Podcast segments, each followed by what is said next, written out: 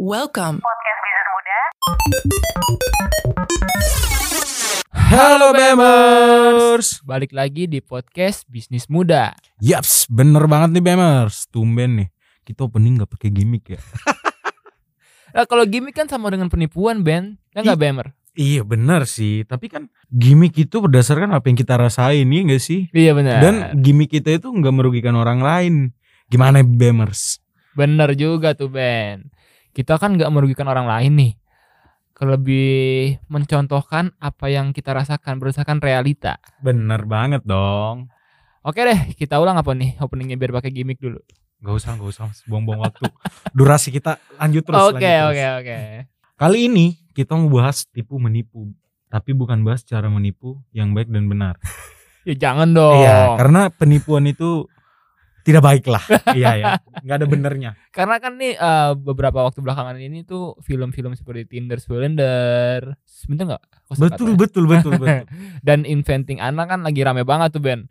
Takutnya orang tuh jadi terinspirasi gitu. iya, itu penipuan-penipuan yang bisa sampai kena pidana. Bener, soalnya kan nipunya nggak main-main, bisa Iya. sampai miliaran rupiah kan. Iya, benar-benar. Bahkan kayaknya gimana ya, orang tuh mudah banget melakukan tindak pidana penipuan gitu. Dan lolosnya tuh kayaknya kalau di filmnya ya kayaknya ya udah lolos-lolos aja. Tapi kan eh itu penipuan itu mereka bisa sampai yang kayak eh, menggunakan jet pribadi, kencan dengan orang kaya, sampai berbisnis ya BMers. Kok bisa ya? Iya, mereka Kok canggih gitu maksud gua. mereka pinter ya. Ini antara penipunya pinter, korbannya ya Bodoh gitu. gitu ya. Tapi kan sebenarnya penipuan seperti itu menurut gua menurut gue itu keren sih. itu kelas kakap. Iya, itu Kita itu. kan paling di Indonesia mentok-mentok sama minta pulsa. Iya sih. Sama paling minta isi bensin itu, itu nah, doang. iya iya. Dengan iya. alibi eh, dompet aku ketinggalan. Nah, itu biasa tuh. Nah, kita kan jadi kepikiran Ben ya. Kira-kira faktor orang itu menipu tuh apa gitu ya Ben ya? Kalau secara umum sih pasti faktor ekonomi sih. Oh, itu benar. itu udah paling atas lah. Benar benar benar. Lu udah tobat kan tapi? Enggak dong, Oh, enggak. gua gua gua enggak seperti itu. Gua korban. Oh. Cuma kalau secara psikologi itu juga ada loh. Wah, ada Ben. Apa ya kalau faktor psikologinya? Emang lu tahu? Jangan sampai salah informasi nih Ben. Enggak, Lu tenang. offset benar. Enggak, tenang. Ini bukan gimmick. Oke, jadi gini, BMers, kita harus eh, disclaimer dulu ya di awal bahwa kita bahwa kita sepakat penipuan itu enggak ada yang baik. Itu adalah suatu tindak kejahatan. Betul banget. Setuju. Sepakat. Oke. Dilansir dari psikologi UNER, dalam kajian forensik ada tiga pendekatan teoritis yang digunakan untuk menjelaskan perilaku kejahatan nih BMers. Wih. Apa nih Ben? Tiga kak. Pertama, ada kriminolog awal atau Cesare Lombroso. Semoga nggak salah ya penyebutannya ya. Kalau salah bisa dikoreksi. Terus kedua, ada psikol psikoanalisa Sigmund Freud dan ketiga teori biokologi sosial. Nah, karena tadi pertanyaannya kita adalah ada nggak sih faktor psikologis yang mempengaruhi orang melakukan kejahatan? Jawabannya ada Bemers. Nah, kalau dari Sigmund Freud dalam pandangan psikoanalisis, analisa yaitu ketidakseimbangan hubungan antara id, ego, dan superego yang ngebuat manusia menjadi lemah yang mengakibatkan pelaku melakukan tindak kejahatan. Oh, gitu Ben. Iya, karena kejahatan itu kan bukan karena ada niat, Iya. tapi karena ada kesempatan. Benar. Itu yang sering banget terjadi. Ngelihat rumah nggak kekunci dikit, ah masuk ah kali aja ada emas. Eh, bisa jadi, bisa jadi. Karena ada semua kan peluang. Betul. Iya. Ternyata sekompleks itu ya Ben ya jika dilihat dari sisi psikologis. Tapi ternyata nih Ben, super ego itu salah satu faktor yang cukup dominan loh yang mempengaruhi orang melakukan tindak kejahatan. Oh gitu nggak? Gue pikir ketiga itu sama-sama berpengaruh besar sih. Emang kalau super ego itu seperti apa sih? Nah, jadi gini Ben dan BMers. Kita harus tahu dulu nih pengertian super ego. Super ego adalah aspek moral dari suatu kepribadian yang didapat dari pengasuhan orang tua atau norma-norma dan nilai-nilai di dalam masyarakat dan didasarkan pada moral serta penilaian dasar tentang benar atau salah. Nah, menurut Freud nih, menyatakan bahwa penyimpangan yang dihasilkan dari rasa bersalah yang berlebihan akibat super ego. Orang dengan super ego yang berlebihan nih Ben dan Bemers akan merasa bersalah tanpa alasan dan merasa ingin dihukum. Wah, dia sangat ini ya. Oke. Nah, sehingga nih Hmm. cara yang dilakukannya adalah melakukan kejahatan salah satunya misalnya penipuan. Nah, kejahatan itu dilakukan untuk meredakan super ego karena mereka secara tidak sadar menginginkan hukuman untuk menghilangkan rasa bersalahnya. Oh, dia ingin kesalahannya dia menebus kesalahan Nah, ya. kayaknya kayak gitu, Ben. Iya. Berarti penjelasan sederhananya adalah yang paling mempengaruhi adalah lingkungan Benar, lingkungan keluarga tuh itu. utama tuh. Karena kita apa yang kita eh, pelajari dalam rumah kita kan terapkan di luar. Betul.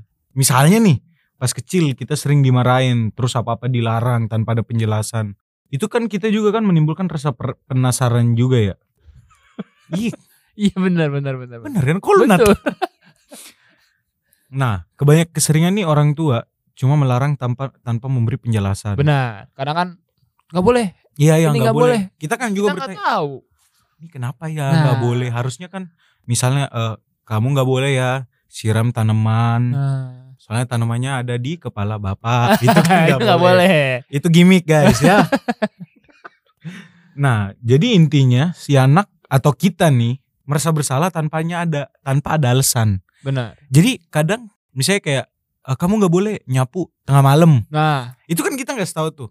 kan kita juga jadi penasaran. Iya, padahal kan kita juga kan sebenarnya kan cuma menjaga yang namanya kebersihan ya. Benar. Tapi Jad- katanya pamali. Ya pamali. Jadinya kita besok-besoknya walaupun kotor ya karena kita mikir udah malam kita nggak mau. Jadi tapi kita juga punya rasa bersalah yang timbul. Iya, betul betul betul. Ya, kurang lebih kayak gitu BMers. Kalau ada yang kurang atau salah dari kita koreksi aja, komen di Spotify.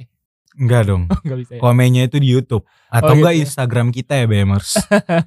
nah, sekalian kita berdiskusi BMers. Nah, biar kalian ah, nggak bosen dengerin podcast kita, mungkin kalian ada saran mau kayak gimana, kalian bisa tuh kirim apa?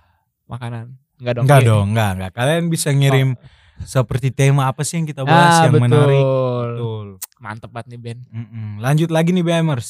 Tadi kan ada super ego, sekarang it. Bener. It juga bisa mempengaruhi orang melakukan kejahatan nih BMers. It merupakan hal yang mendasari personality seseorang. Ide berat.